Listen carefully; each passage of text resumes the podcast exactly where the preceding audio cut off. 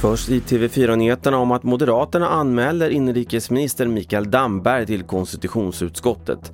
Anledningen är att Damberg sa i SVTs Agenda att regeringen avsatt 350 miljoner kronor till polisen för att anställa nya utredare med inriktning på brott som rör våld mot kvinnor.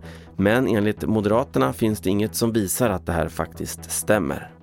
Och på tal om det så är det stor variation inom landet när det gäller andelen uppklarade fall av grova kvinnofridskränkningar, det rapporterar Ekot. Till exempel ledde var tredje utredning i norra Sverige till åtal, men bara var sjunde ledde till det i polisregionerna Stockholm och Mitt.